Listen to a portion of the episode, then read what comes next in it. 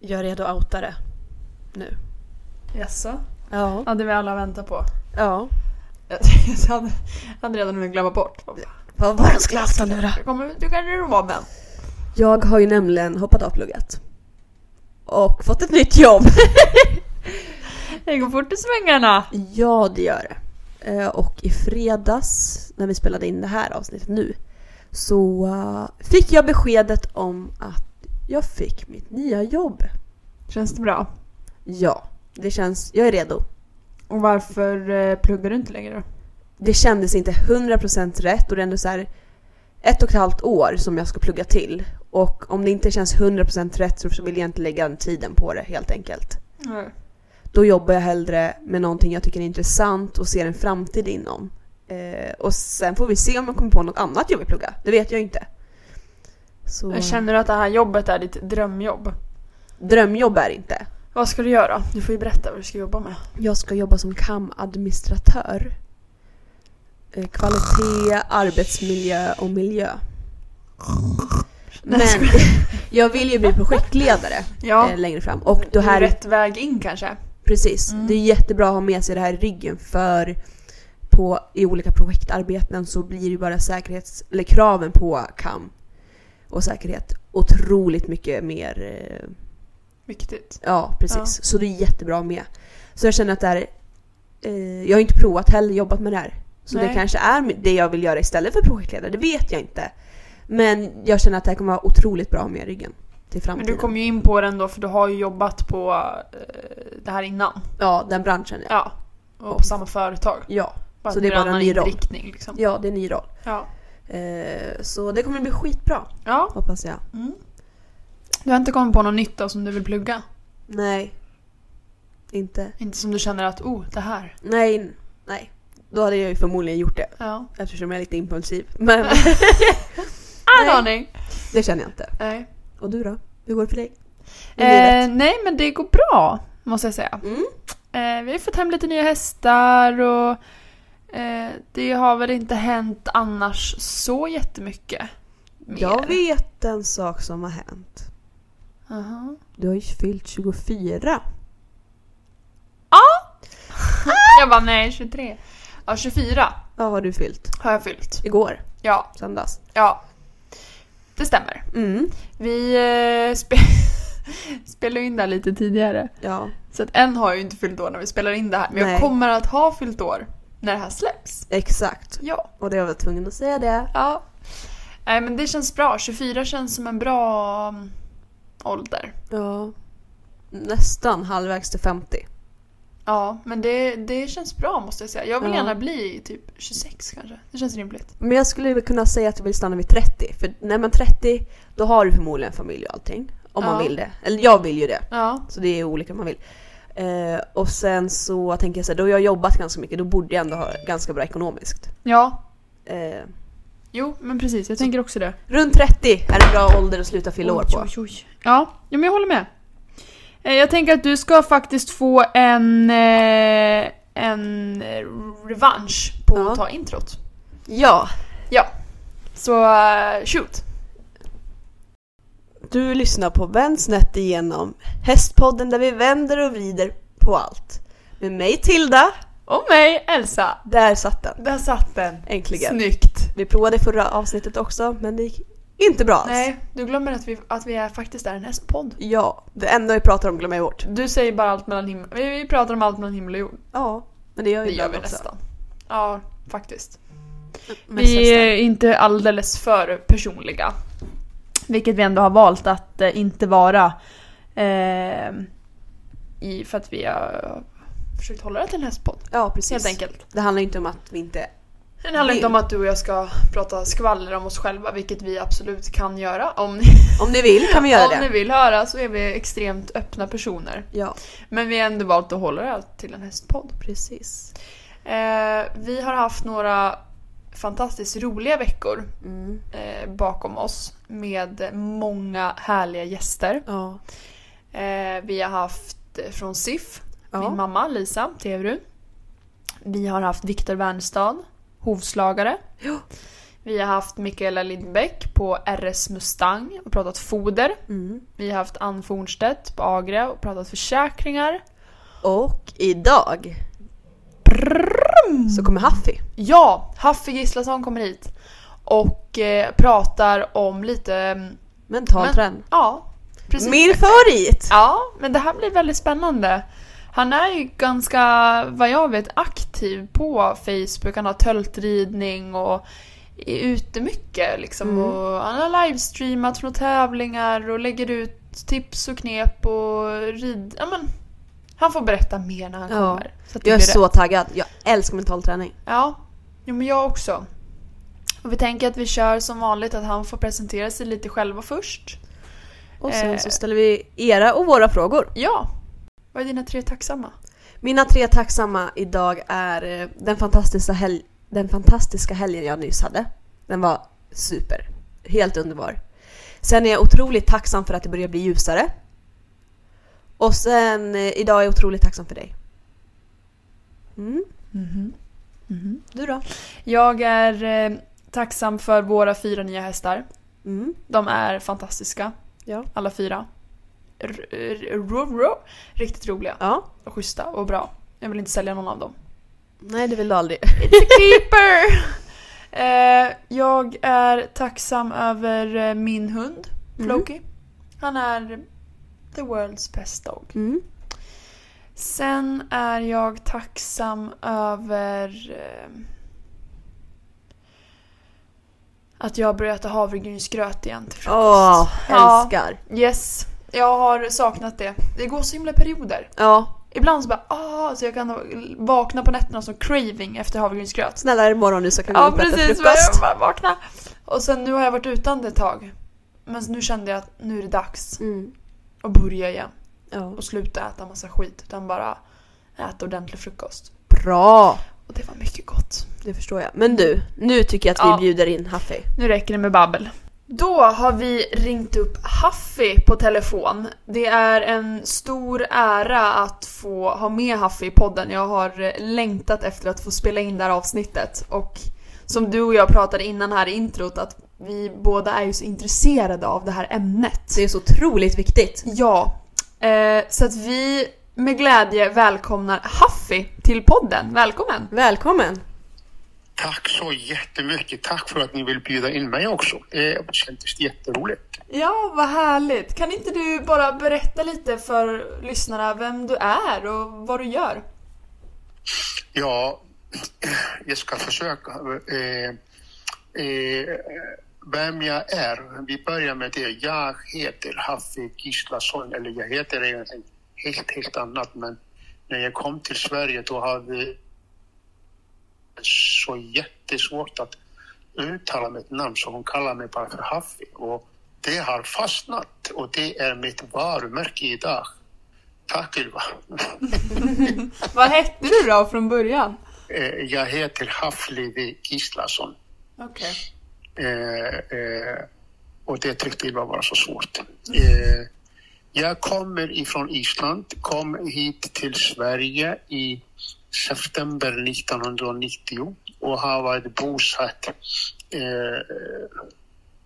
sedan dess här. Men jag arbetar i båda länderna aktivt, eh, eh, eh, både i Sverige och på Island. Eh, så jag reser ganska mycket och nu i covid-tider eh, blev det också mycket via nätet eftersom att eh, den täckningen utvecklades så fort eh, under pandemin. Nu, jag är född och uppvuxen med hästar eh, kan man säga. Jag började rida som en sexåring och när jag var sju år gammal eh, då fick jag mitt första jobb. i, på landet efter skolan, när, skol, när det var sommarlov. Och på den tiden började sommarlovet eh, första maj och eh, skolan började igen 25 september. Eh, då sommarjobbade jag med att, på en gård och då var det eh, heltid med hästar. Det var att samla får, samla kor, driva dem Eh, ut och in till eh, eh ladugården på morgonen, eh, ut på morgonen eh, och in på kvällarna. Eh, och här behövde jag eh, driva dem till höger och vänster, samla ihop dem och där fick jag första eh, lösgjordheten när jag red till höger och vänster hela tiden. Eh, då fick man till en, en jättelösgjordhet och, och där kände jag första känslan att jag och hästen, vi var ett, alltså vi var samtvinnade. Eh, och på den tiden eh, eh, tänkte man inte så mycket på gångarter men, men eh, efter första gången då, då eh, när jag var åtta eller nio år, då kände jag att, att jag fick det här häftigaste töltet som bara fanns där. Så hästen helt avslappnad, lösljus, den gled fram i tölt och trav och galopp och, och, och, eh, och jag red utan sadel. Och inte nog med det, jag hade eh, eh, inget eh, särskilt träns, alltså ibland eh, var tränset upptaget och då använde jag bara balsnören. och, och, eh, men sen på alltid en söndag varje månad, då red vi i kyrkan. Och då fick jag ha väldigt fint stångbett. Eh, och då var man jättemallig för att då vill man komma till kyrkan och, och, och rida flott häst. Och den här första hästen, den var Isabellskäck, hette Gleiser. Åh, jag älskar den färgen! Ja, det var hur häftigt som helst.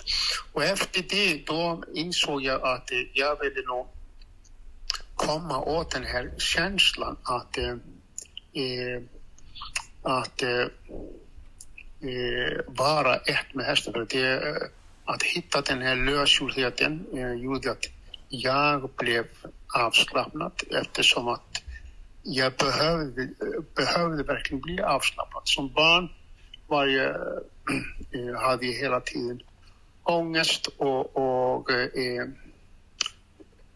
sådana mycket utanförskap men jag hade ett otroligt bra, stark relation till hästarna. Det, det blir mina vänner. Och det här utanförskapet eh, kände jag, alltså har känt egentligen eh, hela mitt liv. Fast eh, efter jag kom till Sverige och, och då blev utanförskapet min vän. Eller jag började förstå vad det här handlade om.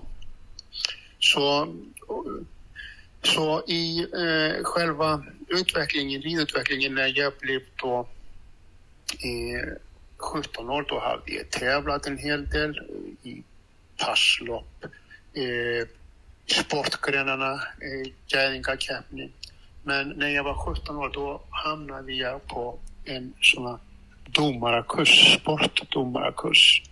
Och eh, det var det häftigaste som fanns. Alltså.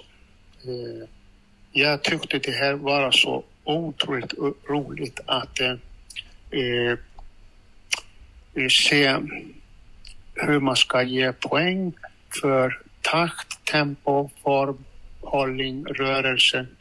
Eh, alltså det här var eh, en nördisk grej för mig så jag hoppade på detta här, eh, började döma och eh, jag tyckte det här var så utvecklande både för mitt öga till att läsa av hästen, för eh, eh örat att lyssna på takten. Eh, få all, alltså jag nördade med allt som fanns. Skriva dagböcker och i dagens läge har jag dömt eh, 314 tävlingar sedan jag började. Oj! Och eh, jag har dömt, eh, jag tror att det var 619 tävlingsdagar och ungefär 29 000 hästar. Oh, Gud, det var inte illa. Nej, men det, om man tränar ögat och örat då, då eh, eh, blir man bra på någonting. Alltså. Ja, det förstår jag. Jag gör det för min egen skull. Och idag gör man det på Youtube ofta. Uh, man ser vad händer i hästen, vad händer i ekipaget. Eh, och eh, eh, varför gör han inte så här? Eh, man, man, man börjar rida redan framför skärmen. Eh, så eh, jag har alltid varit intresserad av det här samspelet. Eh, sedan när jag kom till Sverige, nu går vi lite först över historien, då eh, eh, eh, Eh, började jag att eh, granska mitt eh, egna inre mående. Och då var jag fast i ganska kraftigt missbruk, alkoholmissbruk, så jag bestämde mig för att sluta av någon anledning. Och det lyckades väldigt bra, men efter det då började jag utforska varför är jag som jag är. Eh, ensamhetskänslor, övergiven, ångest eh, och det ledde till att eh, jag fick en diagnos eh, som i sin tur eh, blev att eh, jag träffade en läkare som, som eh, jag gick till och kom med diagnosen till honom med pappret i händerna och sa ja, nu har jag fått den här diagnosen. Det var eh, som kallas ADHD och Asperger eh, diagnos. Eh, och då säger läkaren, ja men grattis. Eh, för mig var det dödsdom. Men han säger bara grattis. Det här är bara lite information från någon som har utrett dig som säger att du har en jävla massa fina styrkor, kompetens och så har du några svagheter som omgivningen tror att det är svagheter. Så se det som en världens eh, bingo lottovinst för att eh, nu kan du komma åt dina resurser. Och med dessa ord började, började jag samtidigt som jag jobbade med hästar att eh, eh, utforska mig själv, gick på kurser, eh, blev eh, terapeut, fortsatte att lära mig eh, mera inom vad som händer i oss människor. Och naturligtvis fick jag eh, arbeta med min egen historia. Men sedan när det här var klart då eh, träffade jag en annan man som eh, började inse, eh, hjälpa mig att se att eh, vi bör nog sluta jobba med det här jobbiga och jobba med det här. Vad är du bra på? Och vad vill du använda det som du är bra på till det bättre? Varför har du ångest? Vad ska du göra med din ångest? Varifrån kommer den? Eh, och eh, utifrån detta börjar jag att se att oj, den här ryttaren, herregud vilken jätteångest. Vad pågår där? Eh, och då hamnar vi in på utbildning som heter mental träning. Och eh, det är inte bara en utbildning för att du måste sätta upp mål själv och genomföra dem själv eh, efter en metod som en svensk professor har utforskat sedan 50-talet. Och det utgår ifrån att eh, den här professorn som heter Lars-Erik Gunnestål, han, han eh, undrade vad som händer i människor när de vill gå ifrån ett läge och bli ännu bättre. Eh, och denna metod som han hade utforskat på idrottsmänniskor eh, gjorde han vetenskaplig undersökning, forskning och kom fram till eh, ett program som heter mental träning som han har då eh, på grund av eh, evidensbaserade metoder bevisat att med den här metoden kan man förbättra sitt resultat. Men syftet med mental träning är egentligen två saker. Nummer ett, att fungera bättre och nummer två, att må bättre.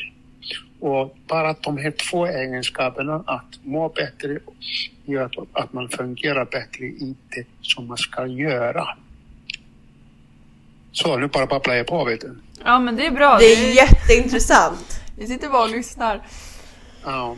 Så Eh. jag insåg att varje människa som eh, vill uppnå mål oavsett om det är att rida en islandshäst, bli bra, bli bra på det som intresserar, då finns det egentligen inga hinder utom vårt eget huvud. Mm. Eh, och eh, sedan i vårt eget hu huvud finns då ofta ångest, prestationångest och eh, som gör det att vi inte uppnår det här resultatet och, som vi önskar. Men eh, man kan tänka sig att vi behöver egentligen gå igenom fyra saker eh, vi som ska göra en förändring. Vi kallar det för smakupplevelserna, SMAK. Det är fyra faktorer som eh, vi behöver jobba med eh, till att nå bättre resultat. Och eh, S i smak, det står för självbild, självkänsla och självförtroende. Eh, och eh, M står för mål och målbilder. Eh, A står för attityder eller inställning till det som vi gör. Och K står för känslan. Vilken känsla vi vill uppnå när vi eh, ska prestera som bäst. Och eh, självkänsla, självbild och självförtroende, eh, det är ingenting som hjärnan kan. För att hjärnan är bara gjord för oss att överleva. Eh, vi är gjorda för att ha det tråkigt och, och jobbigt och smärtsamt. Men någon gång när vi känner att fan vad vi mår bra, då vill vi vara där igen. Och när vi jagar den här känslan, då är det ofta svårt att den, eh, då kan det vara svårt att få den till att komma. Men om man tränar känslan, då kan man beställa den med ett litet tryck när vi har tränat oss både muskulärt och mentalt att få fram den här känslan.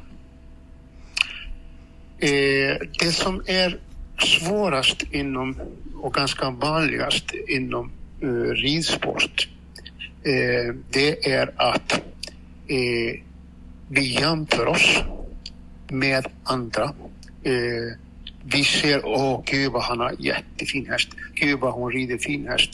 Eh, och då sätter hjärnan igång att jämföra. Och då kommer oftast automatiska negativa meddelanden från våran hjärna. Nej, din häst är inte tillräckligt bra. Du är inte tillräckligt, jag är inte tillräckligt bra.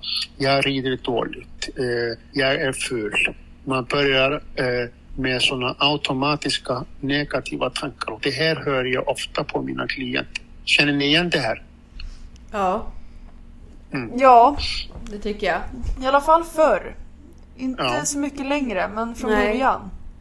Både du och jag har jobbat väldigt mycket med eh, mental träning. Både jag och Elsa har gjort det. Eh, Det, det ger verkligen resultat som Ja. du säger, att verkligen faktiskt jobba med det och inte bara tänka att det ska finnas där. Utan Nej. att man faktiskt lägger ner tid på att träna på det som allt annat. ja, för, Ja. ja. Eh, och eh, kommer ni, känner ni igen när man får en häst eh, som går väldigt passtaktigt och så börjar vi att jobba med löskörningen och så börjar man ta första stegen i tölt. Eh, vilken känsla är det hos er? Framgång och lycka, liksom, det är en glädje av att man kommer framåt och tar ett steg i rätt riktning. Så det blir liksom som en trigger att träna ännu mera för att nå ännu bättre resultat. Ja, Det blir som en bekräftelse, Ja, ja, ett kvitto Ja. på att man gör rätt. Pre, precis som ni, säger, som ni säger, det blir ett kvitto. Eh, det är en trigger. Man känner sig nöjd. Man känner sig ofta duktig. Och det är samma med mentala träningen. Eh, man känner mer och mer och mer att eh, vad man blir mentalt starkare. Man behöver träna inte lika mycket. Inte lika länge, men lika mycket. ja, Nu, eh, vi skulle kunna jämföra oss eh, om i islandshästtävlingar om alla skulle rida samma hästen i femgång till exempel. Hur skulle det se ut? På väldigt många olika sätt. Ja, eh, hästen skulle bli slut efter eh, tre ekipage kanske. Ja. Men vi kan också se det som att eh, när vi kommer med vår häst i sport eller guidingprogram och ska visa upp. Eh, vi ska få en eh, bedömning på var, eh, var eh, befinner vi oss just nu. Eh, och eh, vi kan koppla ihop den här känslan när vi får till när hästen är både tackat, avslappnat, eh, lösgjort och vi känner att det går väldigt, väldigt bra. Eh, vi är nöjda med visningen. Eh, och då är frågan, blir vi nöjda med poängen? Ja. Vad säger ni då? Inte alltid. Nej?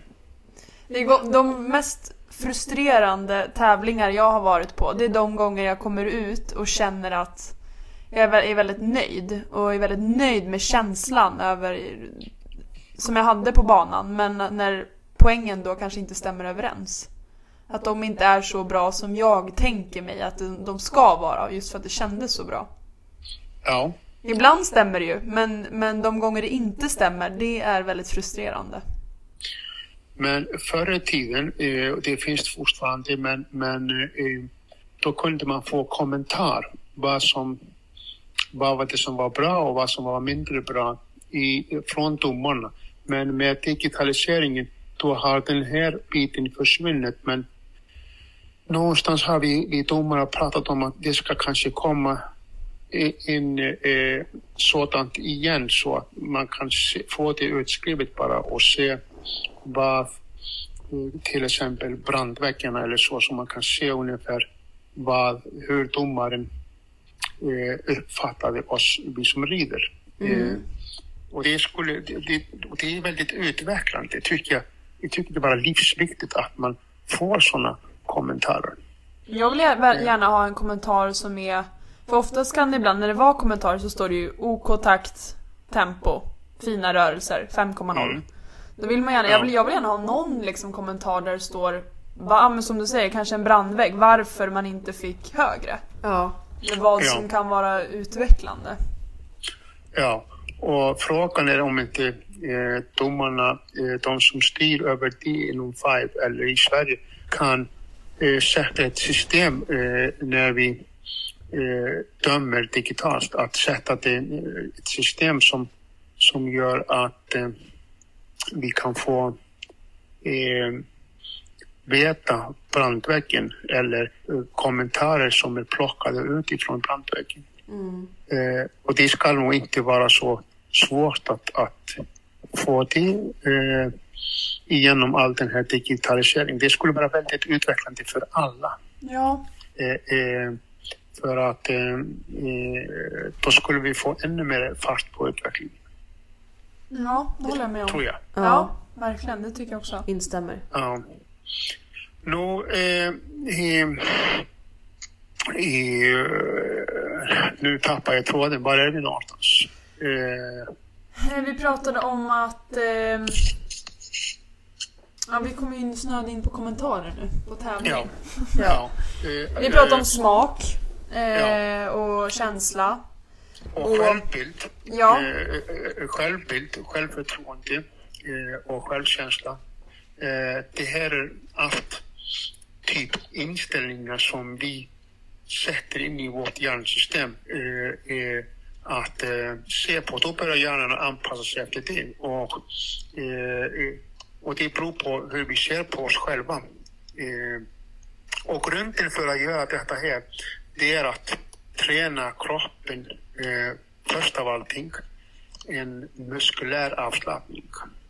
Eh, och det är den här avslappningen som ni får när ni är ute och rider och, och eh, plötsligt är allting perfekt. Hästen är totalt avslappnad. Den är villig, den bär sig. Eh, vi har nästan ingenting eller väldigt liten kontakt med munnen. Ni blir ett. Eh, och då är det på grund av dels eh, ryttaren, eller vi, är, vi är lösgjorda både mentalt och fysiskt. Och då blir hästen det också. Eh, det blir ett, ett samtvinnat samspel som eh, väldigt många människor har upplevt. Eh, väldigt många eh, som har upplevt någon gång när de var på turräddning, någon gång när de har ridit sin häst. Det är därför som vi, fler och fler människor vill rida en islandshäst för att man vill komma åt den här fantastiska, euforiska känslan när hästen bär upp sig i tölt och, och man har ingenting i handen. Mm. Eh, det är den här känslan som flesta vill komma åt. Vi som har ridit mycket och länge och, och har ridit många hästar, eh, vi har mycket lättare att komma åt den eftersom att vi har ju lärt oss mera och mera med all träning i, genom åren. Och det vet ni själva, eh, ett träningspass, hur häftigt det kan bli. Mm. Och utifrån den kunskapen kan man också tänka den dagen när allting går åt helvete, när det blir bara blä. Vad beror det på? Ja, dels kan det vara vi själva, men det kan också hända att naturligtvis då har hästarna sina dåliga dagar. Och sen naturligtvis har vi en häst som inte är så mycket utbildad. Den kanske har missförstått och, och, eh, och inte fattat vad vi menar. Vissa hästar behöver längre tid för att utbildas och där behöver vi ha en ny inställning i vårt system som heter tålmodighet. Mm. Eh, och, Det saknar jag. och den är eh, helt... Saknar du den, då kan du bara gå och ladda ner den och hämta den och öva den. Ja. Och, och varje gång när du ser att du har varit tålmodig, även om att det är bara en sekund bättre än igår, då ska du fira som fan alltså. Eh, för då tror hjärnan, oj, hon gillar sånt alltså. Eh, då kommer mer av det. Ja. Man får, man får lura hjärnan. Ja, om du säger nej, jag, eh, jag har ingen tålmodighet, eh, då börjar du att hacka på dig själv. Men om du, eh, du kan också säga, jag är så jätte, jätte tålmodig, men jag kan bli bättre. Eh, för att eh, eh, du kan alltid finna, finna, hitta någon positiv sak på din tålmodighet, även om du säger nu att nej, det saknas. Eh, då kan du säga, jag är väldigt bra, jag är mycket tålmodig, men jag kan bli bättre. Ja, helt Och då strävar vi alltid efter att bli bättre och bättre och bättre. Är du duktig själv på det här? Jag tänker, du åker runt och pratar mycket och föreläser. Är du duktig på att göra det mot dig själv också? Det är grundförutsättningen, annars hade jag aldrig gått den här utbildningen. Nej. Utbildningen är byggd på det här sättet att du måste sätta upp egna mål eh, och eh, det ska vara djärva mål. Eh, och, eh, och därför är den här utbildningen den är processinriktad. Det är ingenting som du bara läser dig till. Du måste sätta upp mål och du måste nå dem. På andra sidan har du ingen press på dig, det är ingen deadline, det är ingenting som heter icke godkänt. Men du ser själv i utbildningen eh, när du känner dig godkänd. Du har lämnat in naturligtvis alla skrivningar, eh, rapporter, eh, alla övningar. Det, det är en väldigt bra eh, utbildning som passar egentligen alla. Sitter du varje dag och utvärderar och analyserar? Eller är det varje vecka? Eller är det varje månad? Eller hur ofta sätter Jag du tränar, ner? jag tränar mentalt eh, själv eh, 15 minuter varenda dag. Vad använder du Men- för verktyg? Eh, förutom det, då sätter jag alltid mål. Jag sätter mål som jag vill uppnå. Eh, Och om vi tar till exempel en islandshäst. Eh, vi kan, eh, nu har jag en, en fyraåring här eh, som eh, är min egen uppfödning. Och eh, den är inriden nu. Nu börjar jag att jobba med att ridträna honom. Och eh, min, eh, mitt mål är att han ska vara en bra ridhäst. Eh, men min målbild är att jag ser eh, målbilden är att jag rider honom på vintertid i det här underlaget som vi pratade om eh, innan jag och du Elsa som, som Ja. är så härligt, härligt att rida i. Eh, och jag ser framför mig, mig när han töltar och travar och galopperar i, i, avslappnat men med bra framåtbjudning i alla dessa tre gånger. Skritt, tölt och galopp och kanske och naturligtvis trav också. Men målbilden, då ser jag hur han slappnar av. Eh, och han är Isabelle, vet du. Han går eh, väl inunder sig. Eh, och det är målbilden. Mm. Förstår ni vad jag menar? Ja. Ja, verkligen. Men sedan kommer konsekvensen av den här målbilden blir att när jag får den här känslan av matcha, kanske efter ett år när jag känner wow, nu kommer den här, nu är jag där jag satte målbilden. Och då blir konsekvensen av det, ja, jag skulle kanske kunna och anmäla mig till tävling. För att det är konsekvensen av själva målbilden. Målbilden blir aldrig att eh, åka och tävla. Däremot suddar jag ofta ut gränsen mellan träning och tävling. Eh, och eh, ofta när jag kommer in på en tävlingsbana, både jag själv och framförallt mina eh, klienter som tycker väldigt om att tävla, då kommer upp en spänna, eh, kroppslig spänna eh, som kommer på grund av antingen ångest eh, eller till och med prestationsångest. Det kan också vara annan typ av rädsla för att ångest är bara på sig av massa rädslor som vi kan inte eh, analysera på plats för att eh, det är, eh, ångestpåsen är, är jättemånga rädslor som kommer upp. Och, eh, men hästen känner av detta här och, och han känner inte igen ryttaren för att eh, på träningen igår då var eh, hästen jättefin och ryttaren var jätteavslappnad. Men nu är ryttaren jättespänd eh, och det här känner hästen direkt och då blir eh, det här önskade programmet inte som man hade tänkt sig. Och detta här var jag tvungen att ta reda på om det är så fallet. Så jag intervjuade väldigt många ryttare på Island som har både med mindre och, och större framgångar tävlat. Och så var ju fallet. Eh, in, första informationen var, eh, som jag fick på skolan och det var mestadels på hopp och dressyrryttare.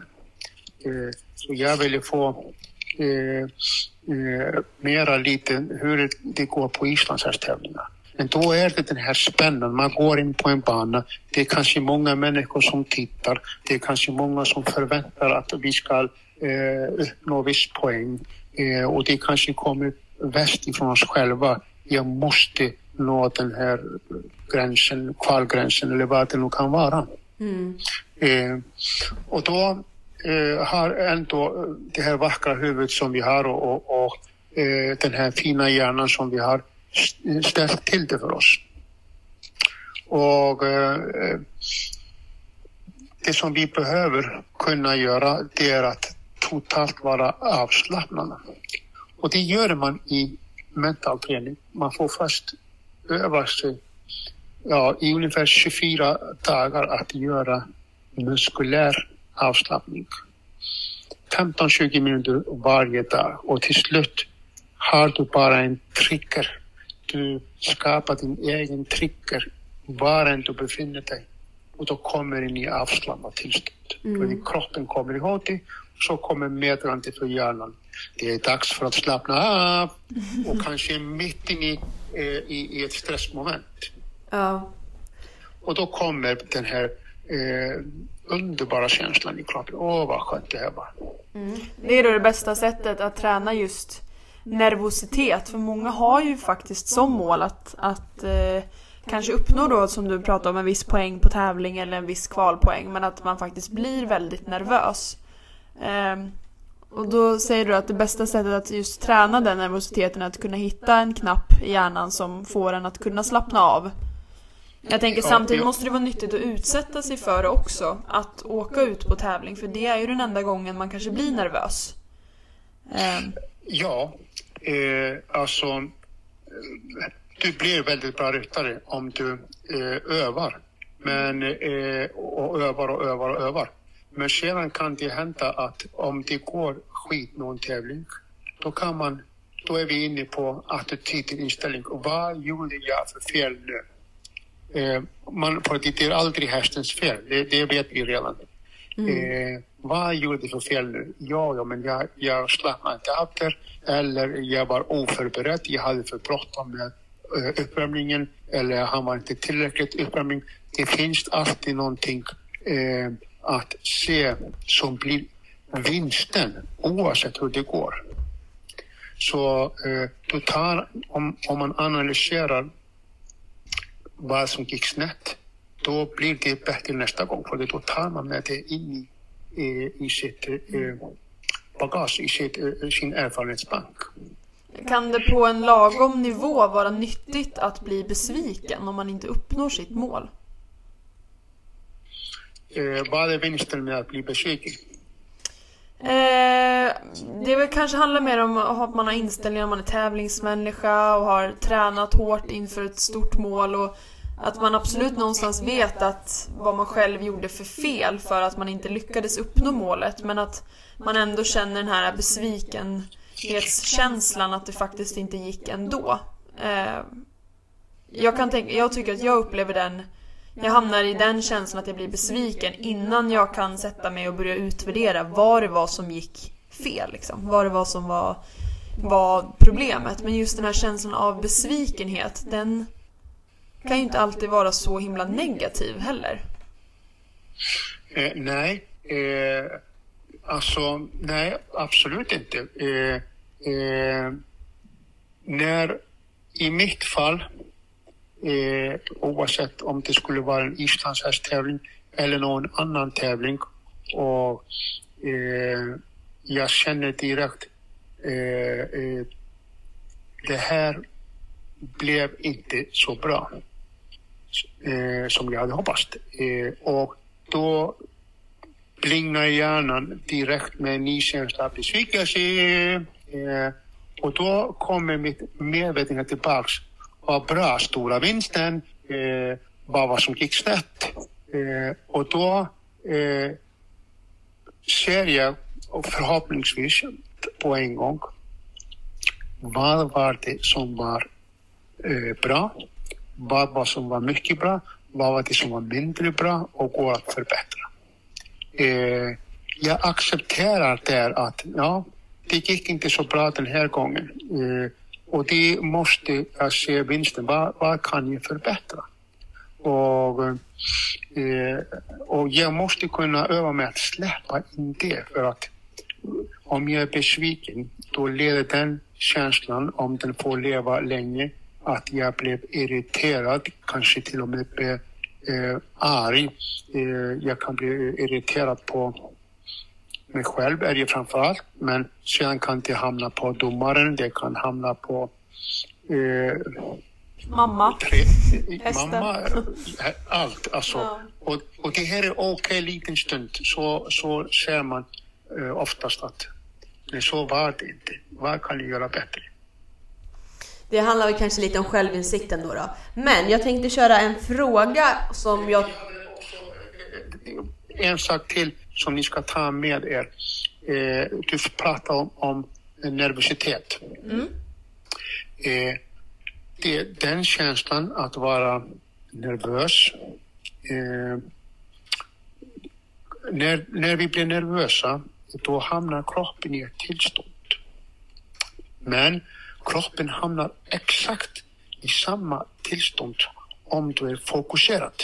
Så att hjärnan kan inte skilja på om jag är fokuserad eller nervös eh, när du är i det tillståndet. Så eh, det kan hända att du tror att du är nervös, men du är egentligen fokuserad. Okej, det är därför de säger att lite nervositet är nyttigt kanske. Det beror på hur vi uppfattar detta här. Om, du är, om vi säger att du är lite nervös, är inte du fokuserad på för att du vill ha fullt koll och, och eh, som många bra ryttare gör, de stänger av sig och eh, eh, in precis innan de ska tävla. De vill få vara i fred, de går runt, de är i sin egen värld. De är inte samtalsbara och de vill vara i fred. Eh, det här har jag utforskat på elitidrottare, eh, alltså elitidrottare här i Sverige, men på många eh, kända islandshästryttare också. Hur eh, beter de sig innan tävling? Och det är, det är så olika vad man behöver. Det har jag fått höra många gånger att många av mina tävlingskompanjoner tycker att jag är så otrevlig, eller kan vara otrevlig och inte prata med dem och sådär. Men jag är ju verkligen en sån som går in i min egna bubbla när det väl är tävling. Det kan ju uppfattas ja. drygt utåt för någon annan som kanske inte har den kapaciteten eller möjligheten att de kan bli, vara så fokuserade och inte bry sig om omgivningen. Jag tycker ju att det är väldigt, eh, en väldigt bra egenskap hos mig att jag kan det. Men eh, det har upplevts av många att det har varit liksom att jag är otrevlig eller sådär men varför tror du att de agerar på detta? Avundsjuka. Ja, att de inte... Jag tror först att de kanske handlar om att de inte förstår. Eh, de besitter ja. inte kunskapen till varför, varför jag gör som jag gör. Och om de förstår det så kanske det handlar om att de själva inte kan. Ja, exakt. De förstår inte. De blir i sin tur eventuellt rädda eh, jaha, varför vill hon inte vara min vän längre och, och, och har gjort något fel? Eh, typ. Eh, det kan vara så, men du är inte ansvarig vad som händer i, i andra. Men eh, du har nog gjort det någon gång. Du har sagt om ni tycker att jag är otrevlig då är jag i fokus, eller hur? Ja. Någonstans har jag läst det. Ja, ja precis. Och det är jättebra. Eh, och var tydlig med att berätta det för alla liksom så här, som är runt omkring, som är nära. Mamma och vänner som står mig väldigt nära så att de också vet vad de ska göra både för sin egna skull, att de inte ska ta illa upp, men också för min skull, att kunna stötta mig till att vara fokuserad. Ja. Och det tror jag också som vi pratade om det här, ja verkligen. Och som vi pratade om det här just hur man också ska kommunicera med sin tränare. Att det är viktigt att tala om för sin tränare också hur man vill ha det. Mm. Ja. För tränaren är ju där för, för din skull. Liksom, att det ska bli så bra som möjligt för en själv. Mm. Och eh, då är det är jättebra att ha tränare, tycker jag.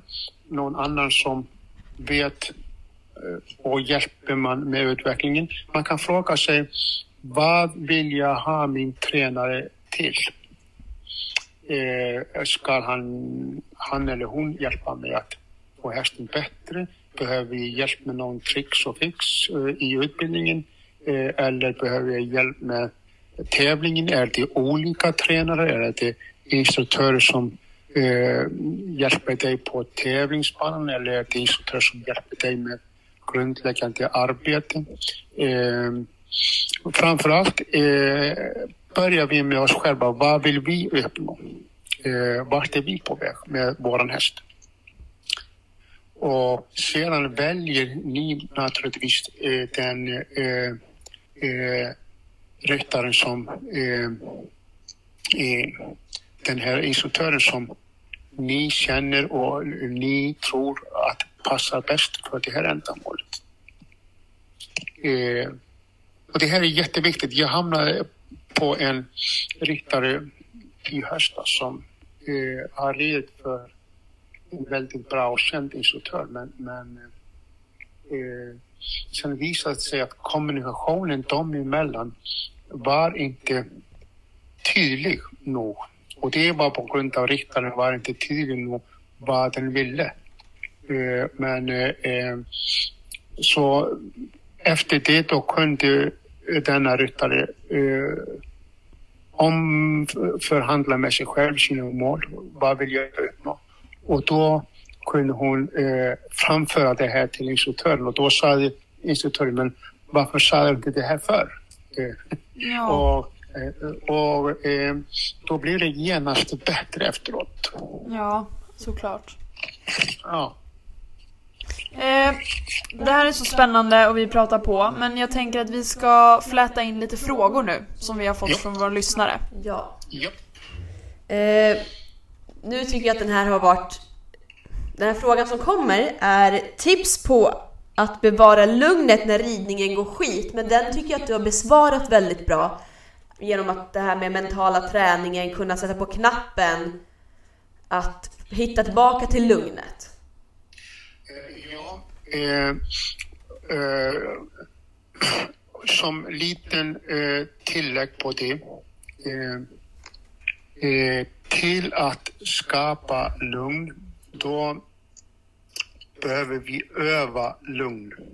Eh, största eh, boven, eh, hotet för oss mot eh, det lugnet, det är eh, när vi är inne med telefonen och på sociala medier eh, hela tiden, länge, många timmar per dag. Eh, hjärnan är inte gjord för detta här.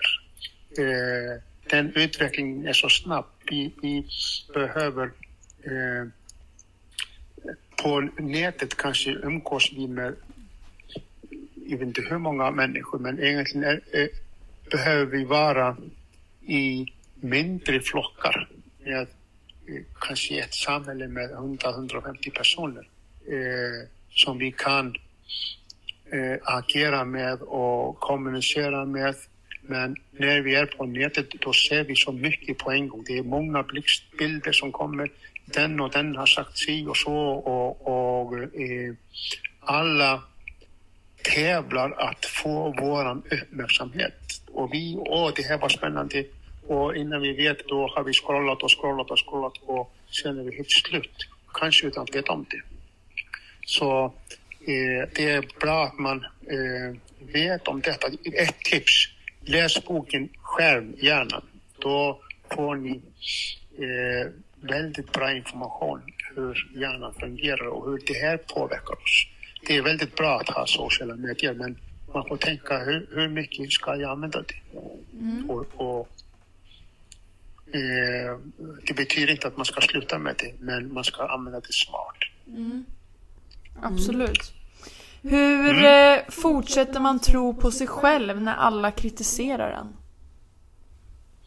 eh, då är det dags att eh, träna sin självbild. Eh, för att om du har en bra självbild, väl tränad, då spelar ingen roll hur många kritiserar dig. Du står alltid upp med flaggan i topp och tar det inte personligt vad andra säger.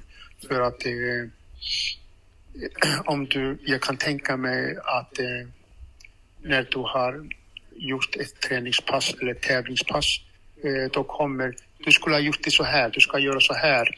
Eh, det här var inte alls bra. Eh, eh, och om man hör sådana många saker samtidigt, då blir man man blir ängslig, man blir rädd, man blir ledsen. Om man har eh, dålig självbild och, och framförallt dålig självkänsla. Eh, eh, och eh, ofta får jag höra det här var inte bra, du, du skulle ha gjort så här istället. Och då säger jag, jaha vad smart, tack för tipset. Och sen skiter jag i det. För då har jag studsat bort det. Men om jag skulle ha sagt istället, eh, nej det var inte alls så. Då hamnar jag i argumentation och eh, då blir det inget konstruktivt av det. Men om jag säger, åh tack för det det var bra tips. Sen studsar det bort bara. Jag tänker också, det är väldigt viktigt att man omger sig av människor man tycker om och som tycker om en. Och i det här fallet så upplever jag att det är någonting negativt att alla kritiserar en på det sättet. Och då tänker jag att man också behöver välja vilka människor man har runt sig. Man vill ju ha människor runt sig som är stöttande och... Och motivera den tycker jag är jätteviktigt. Ja, Och driver den precis. framåt så att man inte så här.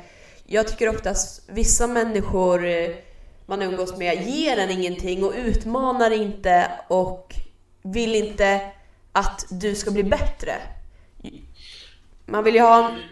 Man vill ju Om du umgås... bestämmer dig eh, och du tittar på en tävling som ett exempel och så kommer ryttaren eh, av banan. Då kan du, det bästa som du kan göra, du ställer frågan, ja, hur kändes det här? Mm. Eh, och eh, då kommer ingen anklagelse. Det är det bästa som du kan ge din man. Och, och sen lyssnar du på beskrivningen. Och sedan är nästa fråga. Vad tror du att du kan göra bättre nästa? Och där, om du bara ställer frågor eh, och, och då hjälper du personen mycket, mycket mer. Du behöver inte vara rådgivare eller experten eller och då är vi inne på ett annat område som heter ridcoaching eh, som är fantastiskt, fantastiskt verktyg som inte används i Sverige. Eh, jag använder det en, en, en del med mina eh, ridare men det, det är eh, vi, hinner inte prata om nu, det kan vi göra senare men, men ridcoaching är någonting som är nytt, som är helt enastående bra verktyg i sin egen ridutveckling. Ja, var det svar på frågan? Ja, absolut. Ehm, hur hjälper man en som har prestationsångest och inte vågar tävla? Eh, ja, eh, och inte vågar tävla, då kanske den personen vill inte tävla. Men om den vill tävla, eh, eh, då ställer man också frågan varför vill du inte tävla? Varför vågar du inte? Och då eh, kommer ofta svar eh, att eh, man är rädd att, för, att bli dömd. Man är rädd att göra bort sig. Man är rädd att bli avslöjad. Det är egentligen vår djupaste rädsla. Att eh, vi blir avslöjade att vi gör det fel. Eh, och, och, och det är en, en, en känsla som kommer ifrån 25 000 år tillbaks. Alltså.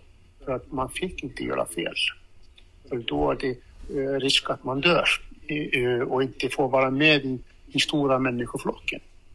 Eh, och vill du, eh, man kan ställa frågan eh, om du har prestationsångest, eh, vill du tävla? Varför vill du tävla? Och oftast hamnar man på samma svar, att man behöver berätta, eh, förbättra sin självkänsla, eh, sin självbild.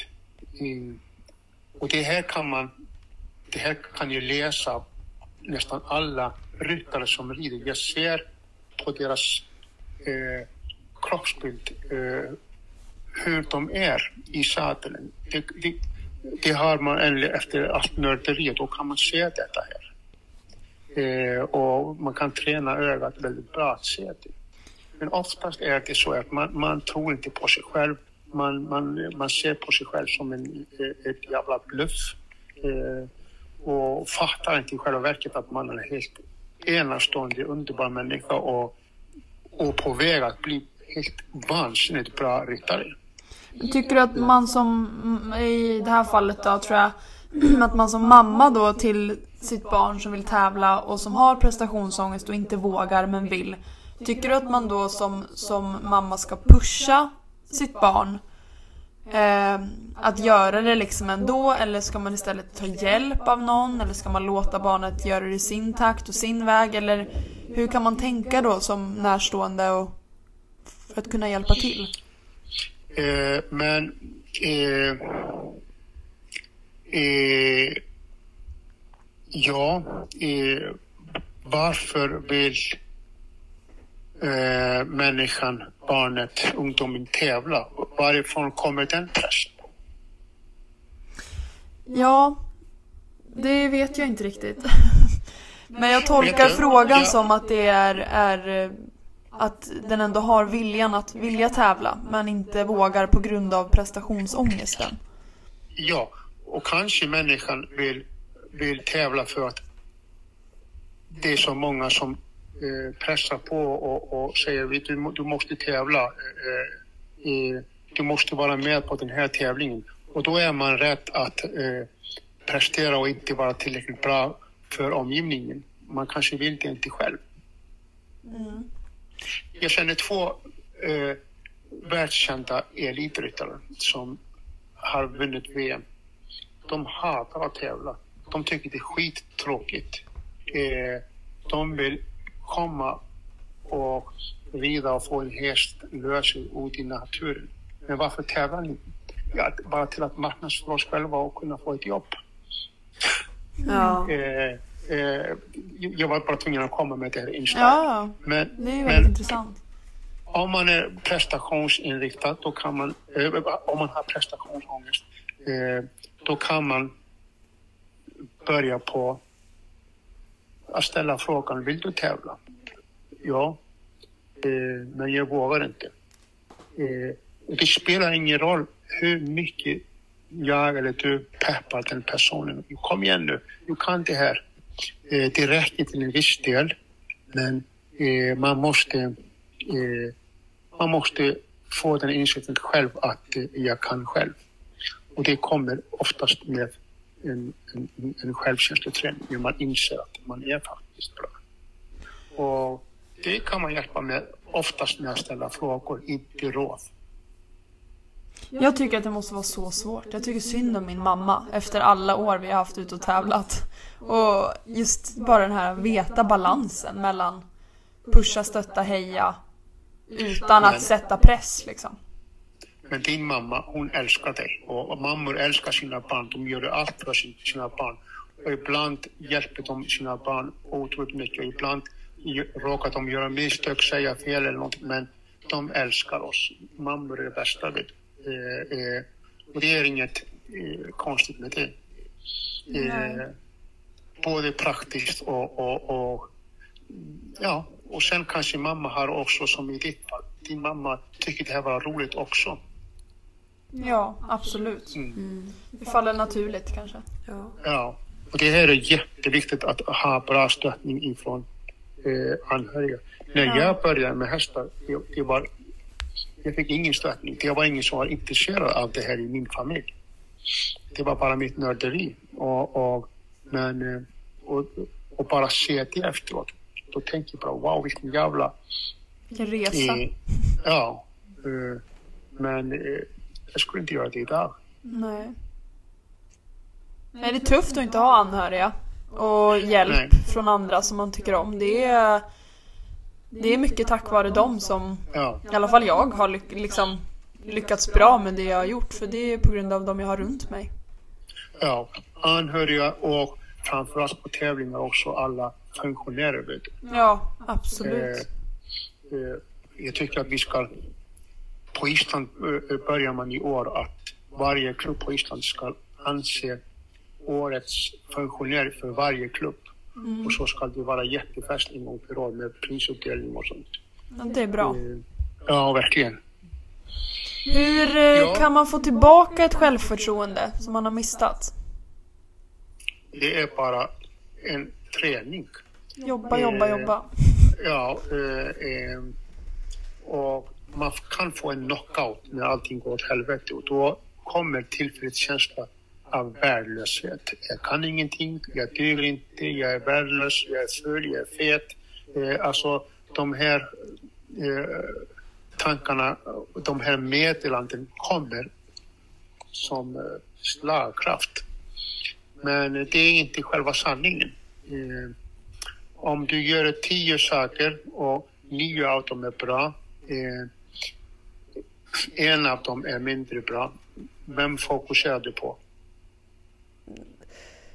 Ja, man vill ju svara de nio bra, men eh, det är ju den, den som man gjorde mindre bra. Och då har den ingen betydelse för att eh, eh, 90 procent av allt som du gjorde var bra. 90 procent, är rätt så bra, eller hur? Ja. Verkligen. Ja. Och det är en övning som ni kan ta med er hem eh, på allt som ni gör över dagen. Eh, vad var det som var bra som ni gjorde över dagen? Eh, ja, det var hur mycket som helst och därför ingår det här i när jag har en eh, självbilds och självkänsloträning. Det gör jag varje dag i ett dagboksform. Där speglar jag mig själv. Vad var det som var bra idag? Eh, vad är det som var superbra? Vad är det som kan förbättras? Eh, vad är jag tacksam för idag? Eh, och det är hur mycket som helst som man kan hitta vad man är tacksam för. Och när man hittar tacksamheten, vi brukar ka- kalla tacksamheten för quick fix till lyckan. När man eh, känner tacksamhet, eh, man blir alldeles hög. Ja. Och ni kan se mig här hemma på dagarna när, när jag sitter mig på verandan och tar en kopp kaffe efter lunchen och, och känner tacksamhet. Eh, jag, ibland tänker jag, åh, jag undrar om jag nykter för att man får sådan välmående känsla. Vi kör i podden, jag och Tilda, varenda avsnitt. Tre stycken tacksamma saker vi Ja. gör. Båda två. vad roligt. Ja, det är... Det är som verkligen som du säger, det är så nyttigt för då lär man sig att uppskatta även små saker i livet och i vardagen. Ja. Det behöver inte alltid vara så stora saker utan Nej. det kan vara små saker som får en stor betydelse. Jag har lyssnat på ett avsnitt på den podden. Eh, nu ska jag åka på eh, jobbresa eh, över hela Sverige och filma. Eh, och då ska jag spåna, då ska jag lyssna på alla poddavsnitten och höra vad ni är tacksamma för. Ja. Det tycker jag verkligen. Vad är du tacksam över? Vad är dina tre tacksamma Hafi? Eh, jag har alltid en tacksamhet eh, varje dag eh, och det är, jag skriver alltid varenda dag att jag är tacksam för att jag fick vakna i morse. Eh, jag är också väldigt tacksam att jag fick vara frisk och nykter idag. Jag är otroligt tacksam för att jag får vara nykter och inte påverkad av alkohol. Som, och, och sedan kommer massa andra saker. Eh, vad som jag tänker på under tiden. Så det, det kan vara så mycket men eh, att öva sig att se de här små sakerna, det är, det är så häftigt. Ja. Så några råd du kan ge till våra lyssnare? Det är, Som- Vi har i alla fall kommit fram till att mental träning är ganska lik fysisk träning. Att det är att jobba på eh, för att bli bättre. Ja. Hela det är tiden. inget som bara finns där utan det finns övningar, det finns hjälp och eh, olika vägar att eh, uppnå och utvecklas. Eh, vad annars finns det som du kan tipsa våra lyssnare om att de bör göra? Eh, ja, nu blev jag ställd eh, framför avrättning känns det som. Kanske ställa sig framför spegeln och säga något bra om sig själv. Skriva dagbok som du gjorde låter ju super för att kunna utveckla dagen. Och det här vad som var bra och vad som var dåligt. Och jag, jag ska ta med mig det där att jag ska fira när jag har varit tålmodig. Ja, Allt är värt att fira. Det är det. det. Vet du, det minsta lilla framsteg eh, som man gör ska man fira. Det, det, är, det är hur viktigt som helst. När vi, eh, när första touchsteget kommer eller hästen svarade, vi fick igenom halvfattarna. Ja, då ska man fira det som fan och tala om det. Eh, eh, eh, så att hjärnan är med på kalas hela tiden och, och tycker det här var roligt. Ja. Och det behöver inte och det behöver inte jämföra med heller. Eh, man behöver inte jämföra, eh, eh, men inte kan jag skriva att hästen svarade på halvfart. Och, och, det, är bra att lägga ut sitt firande på sociala medier och sedan låta det vara och inte titta hur många gillar. Men bara att lämna ut sig där. Sedan en annan sak. Eh, eh, att fira andras framgångar. När du ser att det går bra för någon annan, eh, då ska det bli stor kalas. Alltså. Då, då verkligen ska du eh, ska vi fira det. Eh, jag, jag älskar det, att, att fira andras framgångar. Mm, det är fint. Mm. Det är en bra Då- egenskap hos dig. Vet, du, vet, vet ni varför? Nej. Då slipper jag att vara självupptagen. Eh, en, en, en rädsla kan man koppla ihop att man blir så självupptagen, man blir så upptagen av sig själv. Bara jag och jag och jag, mitt eget jävla ego. Eh, och när det sätter igång och jag börjar fira andras framgångar, då har egot inte en chans. Och man mår jättebra till det. Prova detta, det är en jättebra övning. Ja. Då har vi en, eh, en sista fråga till dig här. Om man nu lyssnar och känner att eh, man vill ha mer eh, information, hjälp, kunskap, kan man kontakta dig och eh, på vilket sätt? Ja, absolut. Eh, eh, man kan kontakta mig eh, på, via min hemsida haffe.se. Jag tänker det är ju många som sitter där ute säkert som för det här är ju något som, som i alla fall jag vill ha hjälp med. För det är inte lätt att veta själv utan man behöver hjälp av någon som dig som är proffs på och kunna få verktyg hur man ska hantera det. Verkligen. Ja, och det är, är, är väldigt roligt att eh, jobba med detta här för att jag ser potential. Jag ser i att, att eh, om vi brinner för någonting, om vi vill göra någonting själva som vi längtar efter, eh, då kan vi nå hur långt som helst. Det, det är inget som stoppar oss. Nej. Jag tycker att med de orden så ska vi eh, avsluta den här podden. Tiden rinner iväg och det är otroligt intressant. Och vi vill verkligen tacka dig Hafi för att du var med och eh, dela med dig av, eh, lite i alla fall, av din kunskap. Och eh, som sagt, vi hade kunnat prata mycket längre men Ja. Tack så mycket för att ni fick komma och till alla er som lyssnar, lycka till. Och mitt hashtag är Ni är bättre än ni tror. där har vi det. Där. Ja, det, är, eh, det är, var jättekul att du var med och gästa och jag slår vad om att det blir ett comeback-avsnitt någon gång senare i sommar. Där vi kan ställa lite Ja. mer frågor. Jättegärna. Ja. Jätte, jätte, jättetack. Superintressant. Ja, tack snälla ni. Vi hörs igen. Det gör vi. Ha det så gott. Hej då. Hej! Hej. Wow. Wow. Jag, Vilket avsnitt. jag säger bara tack och hej. Det här är Jag säger att jag... fantastiskt. Ja. Och jag tycker att eh, det verkligen ska uppmanas till att träna på det här. För det är precis som allt annat. Det behöver tränas på för att bli bättre på. Det är så. Hörni, glad alla hjärtans dag! Hoppas ni får en jättefin alla dag. Var snäll mot dig själv, är uppmaningen. Ja, vi hörs nästa Det vecka. gör vi. Ha det gött! Hej!